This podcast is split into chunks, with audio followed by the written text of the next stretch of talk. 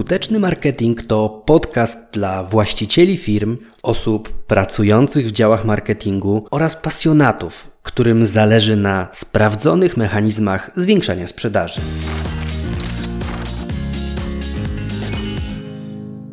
Dziewięć zasad skutecznej transmisji live. Uwaga! Nie prowadź jej samodzielnie. Jak ja na to patrzę, to widzę, że firmy przekonały się o tym, że regularne streamowanie na żywo buduje autorytet, utrzymuje relacje z klientami i skutecznie zwiększa zasięgi. Szczególnie teraz, gdy w wielu biznesach stacjonarnych no, zmagają się ludzie z ograniczonym popytem spowodowanym przed strachem życiem offline. No i w tym podcaście chcę podzielić się swoimi doświadczeniami wynikającymi z setek transmisji i też dziesiątek błędów, które popełniłem na początku. Wszystko po to, aby ułatwić Ci podjęcie właściwej decyzji oraz usprawnić aktualne działania marketingowe, szczególnie te, które dotyczą właśnie transmisji na Facebooku, na LinkedInie, jeżeli ktoś sobie taką opcję opublikował, czy też na YouTubie. I zaobserwowałem ciekawą rzecz, że jedne firmy z różnych względów nadużywają pewnych działań, podczas gdy inne inne nie mają odwagi, aby chociaż spróbować. Taka jest prosta zasada w marketingu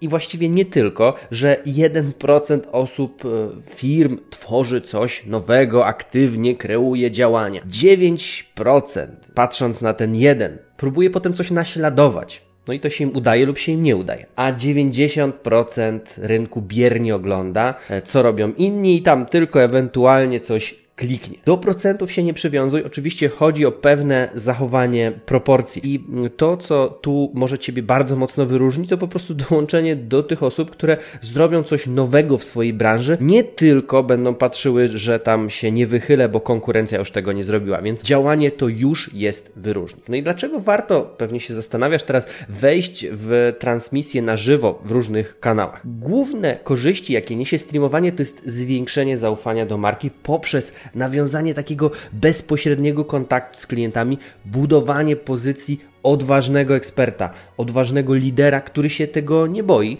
bo to trzeba też pewne mm, wykazać kompetencje takie miękkie, żeby wyjść, żeby się pokazać, że wiedzieć, że to się robi dla klientów, a nie dla tam konkurencji, która może coś docinać. No i to wszystko przekłada się na zwiększenie zasięgów. Live'y dalej dają zasięgi no, nieproporcjonalnie większe niż inne formy. Jak pokazują statystyki systematyczne, prowadzenie takiej formy sprawia, że na spotkania przybywa więcej i więcej osób, które oglądają Cię na żywo, Chociaż też trzeba założyć, że wiele z tych spotkań jest po prostu oglądanych już po fakcie, bo akurat w danym momencie ktoś nie mógł obejrzeć, nie mógł być razem z tobą, ale temat jest dla nich go bardzo interesujący. Czy w takim razie możesz się teraz zastanowić i zadajmy sobie takie pytanie, czy w takim razie live to świetna okazja do zaprezentowania produktu z bliska, zbicia obiekcji dotyczących ceny, jakości, a nawet przydatności produktu? No, to pytanie wydaje się retoryczne. Oczywiście, że tak, więc czy należy należy tylko sprzedawać. Odwracam to pytanie, czy ty będziesz oglądać live, na którym prezenter zachowuje się tak, jakby prowadził program w modelu telezakupów?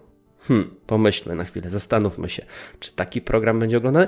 No, oczywiście, że nie. W mediach społecznościowych najlepiej sprawdza się metoda sprzedawania bez sprzedaży. To oznacza, że swoje produkty i rezultaty należy pokazywać w taki sposób, aby inni chcieli o nie po prostu zapytać. To się nazywa seeding, czyli takie sianie. Mówisz o czymś tak przy okazji, zobacz sobie to i to, ale nie ma tam takiej oferty. Oczywiście są pewne spotkania na żywo, webinarowe, których głównym celem jest sprzedaż, ale nie o tym dzisiaj. Teraz y, część osób y, mówi, no dobra, no to jak możemy to w ten sposób zrobić, to może zamiast robić live'y, takie bez przygotowania, takie na spontaniczne, to może lepiej byłoby nagrywać filmiki i je tam obrobić robić ładnie, dodać efekt. No i jest kilka powodów, dlaczego właśnie to streamowanie, czyli takie wejście na żywo, na żywio można byłoby trochę powiedzieć, jest lepsze. Bo twórcom, tobie przede wszystkim, będzie dużo łatwiej usiąść albo stanąć i kliknąć rozpocznij transmisję na żywo, niż nagrywać poszczególne sceny, bawić się w montaż, później się okaże, że się gdzieś zająknąłeś, następnie to wszystko renderować w programie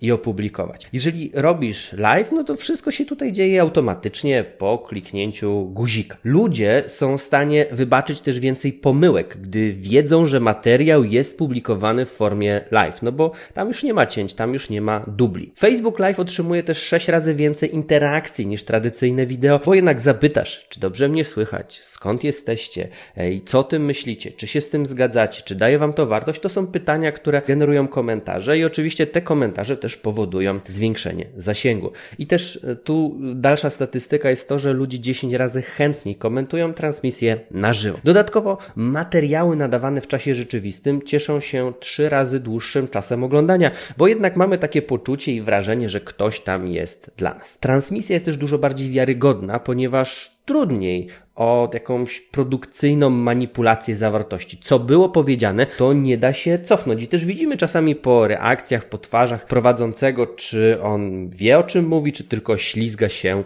po temacie.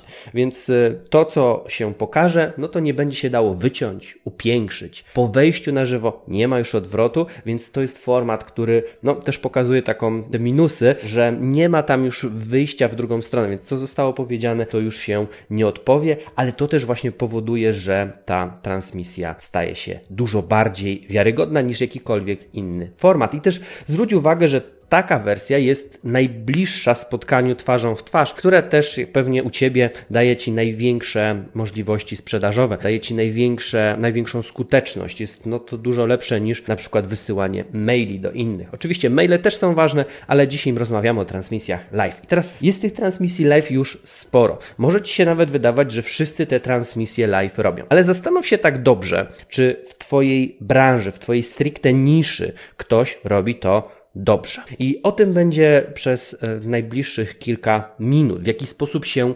wyróżnić, jakie są elementy. Dokładnie tych elementów jest tutaj pięć. Co zrobić, aby one miały jakość, a nie tylko zrobione były jakoś. Więc po pierwsze, Primo, przygotuj ładny, estetyczny kadr. Złota zasada. Pierwszy plan to ty, więc jeżeli jesteś bardzo daleko od tego kadru, to możecie tam nie być widać. Warto zadbać również o to, aby za nami, za naszymi plecami całość wyglądała profesjonalnie. Pomyśl nad jakimś efektownym tłem. Sporo osób nagrywa na tle biblioteczki z książkami, jednak polecam Ci zastosowanie takiego tła, które jednoznacznie odsadzi Cię w klimacie Twojej pracy. No bo trudno, aby na przykład szewc ubierał się w garnitur i prowadzi konferencję z sali właśnie konferencyjnej. Wiesz o co mi chodzi? Chodzi o to, że jak pracujesz w danym miejscu, zajmujesz się czymś, to żeby to tło nawiązywało do tego, co ty ludziom e, oferujesz. Wiesz już w co się ubrać? Wiesz na jakim tle będziesz nagrywać? No to przechodzimy do punktu drugiego. Zadbaj o dobre oświetlenie. I dobre oświetlenie to jest naprawdę podstawa. Jeżeli jeszcze nie masz profesjonalnych softbox, to nagrywaj po prostu stojąc przodem do okna. Ja mam w ten sposób ustawiony na przykład swoją kamerę, swoje stanowisko, że twarzą jestem ustawiony w stronę okna, więc to światło naturalne, dzienne pada mi na twarz i w miarę to sensownie wygląda. Dzięki temu masz bezpłatne, naturalne oświetlenie, jednak trzeba nagrywać tylko w dzień. Jeżeli jednak live odbędzie się wieczorową porą, no to trzeba będzie zadbać o to, żeby mieć odpowiednie softboxy, odpowiednie naświetlenie. I teraz uwaga, jeżeli nosisz okulary i może być taki efekt, że światło ci się odbija w szkłach, jeżeli masz jeszcze takie blue control, które odbijają światło niebieskie, no to w ogóle zaczynają się schody. Czyżby? No, są na to też rozwiązania. There is up for it, jakby to powiedział Jobs, mm, więc żaden problem. Wystarczy, że źródło światła ustawisz nad sobą pod kątem 45 stopni i wtedy te, to światło nie odbija się tak mocno w Twoich okularach. Możesz też, uwaga, wykorzystać filtr polaryzacyjny. Wpisz sobie nazwę swojej kamerki, filtr polaryzacyjny. To zakłada się na obiektyw i to też e, minimalizuje tak zwane blinki. No i to nas prowadzi do punktu trzeciego, w którym rozmawiamy o wysokiej jakości wideo. Ja korzystam z Logitech Brio, takiej kamerki internetowej w 4K i szczerze mogę polecić ten sprzęt także i Tobie. Jeżeli jednak posiadasz profesjonalne oświetlenie, no takie dobre oświetlenie, to sam sprzęt nie musi być jakiś super high-endowy. Warto również spojrzeć na kamerkę Logitech C920, ona również daje radę. W ostateczności nowy smartfon pod warunkiem, uwaga, że przetrzesz tam kamerkę i ona nie będzie upalcowana, też da radę. To z tym upalcowaniem to nie jest żart, bo jeżeli przykładasz telefon do ucha, no to wtedy tam się zrobi taka mgła na tym. A jak sobie przetrzesz nawet szmatką, to od razu jest wyższa jakość y, zdjęcia czy wideo, które ty nagrasz. I jeżeli jesteśmy przy wysokiej jakości, to trzeba też wspomnieć o dobrym audio, które jest must have. O ile kiepską jakość wideo ludzie wybaczają o tyle zawieszający się dźwięk, który boli w uszy, bo jest jakiś tam niedostosowany, albo harczy, albo szumi, albo słychać jakiś wentylator w tle, to jest grzech, którego ludzie nie wybaczą. Dlatego warto zaopatrzyć się w mikrofon. Ja od lat korzystam z takiego mikrofonu, który się nazywa Rode Lav Plus i posiadanie go to już od właściwie chyba 6 czy 7 lat non-topper, on mi się sprawdza bardzo dobrze. Polecam również e, właśnie w tej formie na, w takim najmniejszym standardzie coś, na co możesz postawić, to jest dokładnie mikrofon, który znajduje się w słuchawkach dołączanych do Twojego telefonu komórkowego w pudełku. No i teraz tak, kilka takich pytań, które się bardzo często pojawiają, żebyśmy sobie przeszli do tej sekcji, to jest to, czy na przykład dzień transmisji ma znaczenie. Jedni mówią, że ma, inni mówią, że nie ma. Ja powiem, weź to sprawdź w swojej branży, bo faktycznie, z mojej perspektywy, najpopularniejsze są wtorki i czwartki, jednak wybór tych dni może okazać się ryzykowny. Dlaczego? Ponieważ właśnie wtedy najwięcej osób prowadzi transmisję online, więc jest też największa konkurencja. Być może w Twoim przypadku sprawdzą się weekendy, gdy konkurencja odpuszcza. Każdy dzień tak na dobrą sprawę, ma swoje plusy i minusy. Dlatego testuj i sprawdzaj. Tylko w ten sposób jesteś w stanie sprawdzić, który dzień okaże się najlepszy dla Ciebie. Pamiętaj, że odpowiednia godzina także robi robotę. Najczęściej live odbywają się wieczorem 19 lub 20, jednak musisz wziąć pod uwagę, kim są Twoi odbiorcy. Jeżeli to mamy dzieci w wieku przedszkolnym, 20 może okazać się strzałem w kolano. Wszak wiesz, to czas kąpieli i usypiania. Być może będziesz prowadzić takie live'y, które ludzie w trakcie pracy pracy swojej etatowej będą oglądali, krótkie, na przykład o 11 w przerwie kawowej. Więc pomyśl, kim są Twoi odbiorcy, jak się zachowują przez cały swój dzień i dobierz taką godzinę, żeby było to dla nich najlepsze. Jak aktywizować ludzi podczas live'a? No wyobraź sobie, że Twój znajomy zaprasza Cię na domówkę w sobotni wieczór. Przychodzisz, po czym on odpala telewizor i totalnie nie zwraca na Ciebie uwagi. Jak się wtedy czujesz? Tak samo jest w przypadku live. Jeżeli zapraszasz ludzi, to ich ugość.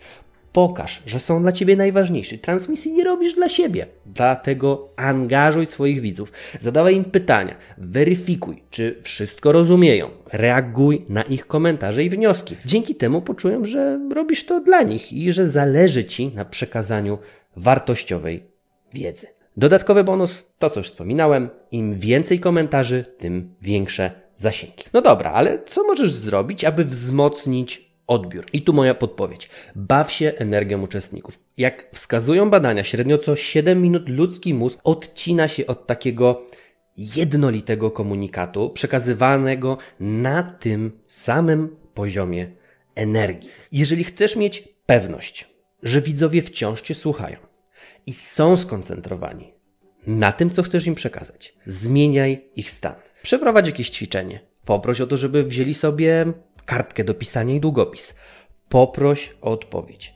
Odpowiedz, opowiedz coś czasami ważnego, ale wiesz, taki zabawny sposób. Ja to mam problem z opowiadaniem dowcipów, czasem wychodzą suchary, dlatego zawsze proszę ludzi, żeby mieli coś do picia przy sobie. No a zaraz potem możesz przekazać poważnym tonem ważną informację. Albo sprytnie wpleść wzruszającą lub przerażającą, histeryczną historię.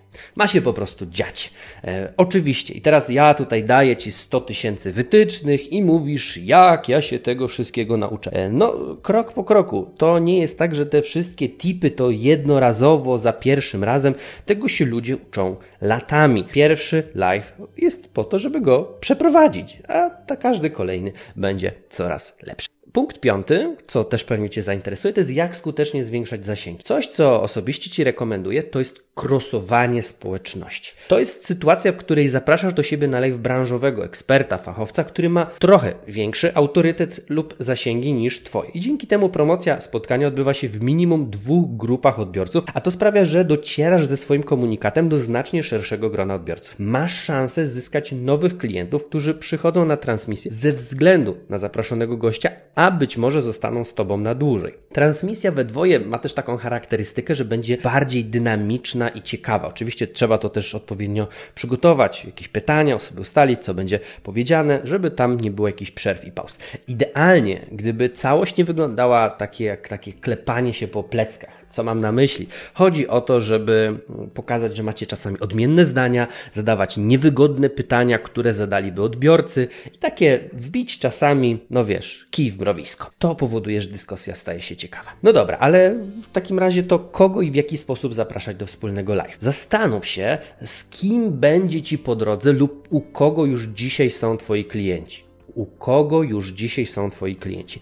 Być może jest ktoś, kogo obserwujesz, kogo tok myślenia bardzo Ci odpowiada i wiesz, że będzie Wam się dobrze rozmawiało. Pomyśl, co ta osoba będzie miała z tego, że u Ciebie wystąpi. Przedstaw jej korzyści i zaproś do siebie. To zawsze jest kwestia wchodzenia w buty drugiej osoby, co ona z tego będzie miała. O co zadbać w związku z tym w przypadku takiego crossowanego live'a z partnerem, z jakąś osobą, z jakimś fachowcem. Zapraszasz, a więc po Twojej stronie jest opracowanie tematyki, zakresu poruszanych obszarów i wreszcie odpowiednich pytań. Pamiętaj, aby odpowiednio wcześniej przesłać je gościowi, aby miał czas chociaż na zapoznanie się z tym, z tą propozycją, bo wtedy też lepiej przygotuje się do tego, co będziecie razem robić. Uwaga, jak już wejdziecie na żywo i klikniesz ten magiczny przycisk rozpocznij transmisję, nie wchodź w rolę typowego dziennikarza, dziennikarki. W tej rozmowie nie chodzi o to, aby wystrzelać się z zadawanych pytań, a o to, aby realnie wykazać się ciekawością o tym, o czym mówi Twój rozmówca. Od czasu do czasu przedstaw też swój punkt widzenia. Jak pada jakoś odpowiedź, to możesz zadać, a dlaczego tak myślisz? Dlaczego tak uważasz? To są bardzo fajne, proste pytania i one dają Ci natychmiast szersze, głębsze podejście do tematu. Punkt ósmy. Naturalność to krok do sukcesu. Nie udawaj kogoś, kim nie jesteś. To jeszcze nikomu nie wyszło raczej na dobre. Jeżeli na co dzień z klientami, z których się spotykasz, siedzisz w koszuli i jeansach, to nie wskakuj nagle w garnitur. Udawanie kogoś, kim nie jesteś, to śmierdzi na kilometr, więc bardzo trzeba na to uważać. Ten punkt wiąże się z dziewiątym, bo pewnie wskakujesz w garnitur i zastanawiając się, jak dobrze i mądrze wypaść. To jest ważne, żeby dobrze i mądrze wypaść, ale chyba też jest to najczęstszą obawą wśród osób, które zaczynają swoją przygodę z live. Możesz sobie też tak myśleć, ja sobie tak kiedyś myślałem, a jak nie poradzę sobie z odpowiedzią na pytanie, albo jak coś mój rozmówca powie takiego, że totalnie nie będę wiedział o co mu chodzi, a co gdy ktoś mnie zacznie krytykować? A jeśli się pomylę lub zapomnę, co mam powiedzieć? No, to się bardzo, bardzo rzadko dzieje.